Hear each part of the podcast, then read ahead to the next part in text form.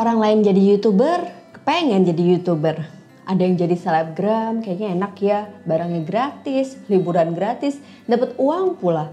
Atau ngeliat temen yang jadi CEO atau founder startups, kayaknya keren deh, rasanya jadi pengen resign. Duh, kayaknya kalau begini nih, kita jadi nggak bisa mensyukuri apa yang kita punya ya teman-teman. Apalagi di zaman media sosial sekarang. Alih-alih nih kita pengen bikin usaha, ternyata begitu bikin usaha waktu WFH, eh ternyata nggak mudah juga, gagal juga, pengennya untung malah buntung. Nah teman-teman semuanya jangankan untuk karir dan hidup nih, buat pemikiran atau prinsip-prinsip yang sifatnya datang dari uh, media sosial atau cerita teman ini tuh memang gampang membuat kita ikut-ikutan. Ya nggak sih? Sampai akhirnya kita jadi merasa ada budaya yang kita sebut dengan latah. Kalau misalnya kita ngelihat uh, kemarin WFH semuanya orang jadi jualan semuanya yang seolah kita jadi rasanya enak ya jualan selama WFH uh, eh, untungnya bisa kayak gaji sebulan.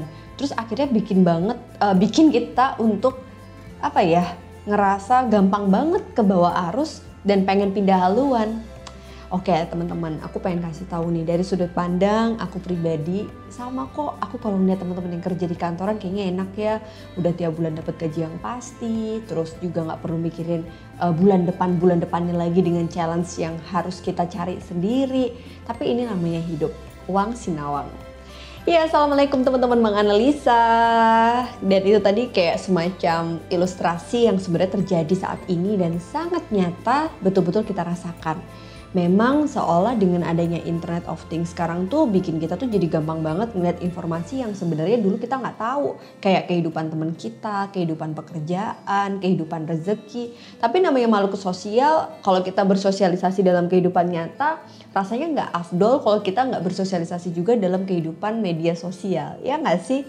Tapi bahayanya kalau kita terlalu banyak terpapar oleh keinginan-keinginan yang sifatnya itu mendengarkan suara-suara dari orang lain lain, melihat situasi dari luar, itu kita membuat jadi kayak susah menemukan true voice kita. Apa sih true voice? True voice itu adalah benar-benar perasaan di mana kita tuh bisa melakukan atas keinginan kita tanpa terpengaruh dan kita benar-benar tahu bahwa bahagia itu bukan hanya sementara saat itu juga, tapi ada satu hal yang lebih bermakna dari sekedar bahagia, yaitu makna dalam kehidupan yang sesungguhnya. Nah, sebenarnya kenapa sih kita selalu mendengarkan suara-suara atau melihat cerita orang lain seolah lebih beruntung daripada kita? Kenapa kita seolah tidak tahu sebenarnya apa sih yang kita inginkan dalam hidup di tengah keriuhan media sosial saat ini?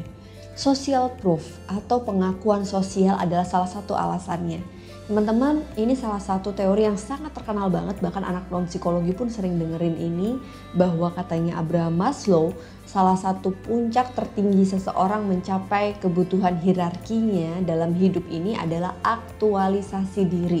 Jadi nggak bisa bohong bahwa aktualisasi itu adalah salah satu alasan kenapa manusia membutuhkan pengakuan dari orang lain atau lingkungan sosialnya. Nah aktualisasi diri ini tuh kayak apa ya sangat relate sama social proof gitu Terus apa yang harus kita lakuin nih teman-teman supaya pengakuan atau penerimaan dari lingkungan sosial ini linear dengan betul-betul apa yang kita inginkan dalam kebutuhan hierarkis kita. Nah, salah satunya adalah coba teman-teman penuhi dulu diri kita. Jadi self fulfilling prophecy atau self fulfillment di mana kita betul-betul merasa ini loh yang aku pengenin dalam hidup sebelum kita ngembangin diri sekarang contoh nih, misalnya aku kemarin uh, share tips untuk teman-teman olahraga, gratitude journal. Tapi yang ada kita itu cuma fokus pada sesuatu yang oke okay, kayak aku mau gratitude journal. Padahal sebenarnya kita masih skip proses yang mengakui penderitaan kita. Kita masih di fase denial tapi kita diminta untuk gratitude. Itu agak susah.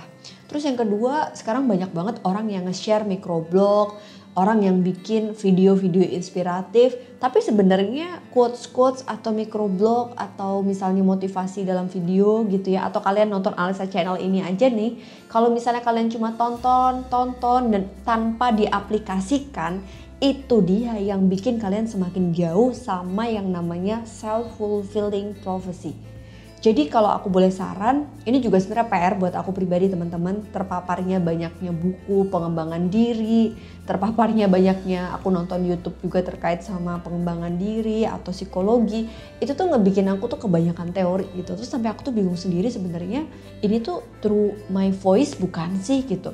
Sebenarnya apa sih yang aku pengenin? Nah ternyata salah satu yang coba aku praktekin adalah dengan mengimplementasikannya step by step. Contoh, Misalnya kalau aku lagi demotivasi, ya memang kadang quotes itu bikin kita up lagi ya motivasinya. Tapi somehow kalau misalnya kita cuma baca doang tanpa betul-betul kita resapi dan kita lakukan, itu tuh kayak cuma bikin kita makin panas. Ya nggak sih? Dan akhirnya kita malah justru nggak ngelakuin apa-apa. Jadi kalau teman-teman baca microblog yang berupa tips untuk mengembangkan diri, coba tanya lagi, apakah itu betul-betul ada pada fase kita? Yang kedua, praktekin walaupun cuma step demi step. Pelan-pelan it's okay nggak apa-apa. Jadi misalnya aku pengen ngubah self loveku deh. Jadi challenge yang kemarin 7 days challenge to self love thank you ya yang udah pada nonton yang belum langsung aja buruan klik cari self uh, 7 days challenge to self love di channel ini. Ada tujuh hari, tujuh tahap untuk kalian mencintai diri kalian sendiri. Satu persatu dulu aja, episode satu nih dipraktekin nih selama seminggu seperti apa kira-kira. Nah ternyata kalau memang teman-teman baru merasa fulfilling atau merasa ini tuh aku banget, aku sudah merasakan sensasi psikologisnya, baru naik ke tahapan keduanya, yaitu misalnya uh, memaafkan atau memuji orang lain atau step berikutnya dan step berikutnya. Good habits itu akan terbentuk kalau kita sudah pada step yang sebelumnya gitu. Nah ternyata teman-teman inilah saatnya self fulfillment ini adalah salah satu alasan kenapa kita bisa merasa bahagia dalam hidup kita. Bahagia itu pilihan, tapi bahagia itu bisa diupayakan. Jadi kalau banyak cerita tentang bahagia itu apa, aku setuju banget nih. Bahagia itu nggak bisa serta-merta cuma kita bilang situasi sementara saat itu. Jadi next video aku akan bahas tentang happiness. Tapi yang pasti dari video ini teman-teman aku pengen satu hal nih bahwa self fulfillment itu akan bisa membuat kita mengembangkan diri kita lebih bijak. Nggak cuma ikut-ikutan. Listen your true voice. Dengerin deh suara hati kamu. Jangan sampai demi dapat social proof kita cuma ikut-ikutan dan sebenarnya kita nggak tahu apa yang betul-betul kita inginkan. Kita akan jauh dari self fulfilling perasaan puas perasaan uh, apa ya rilis terhadap emosi kita.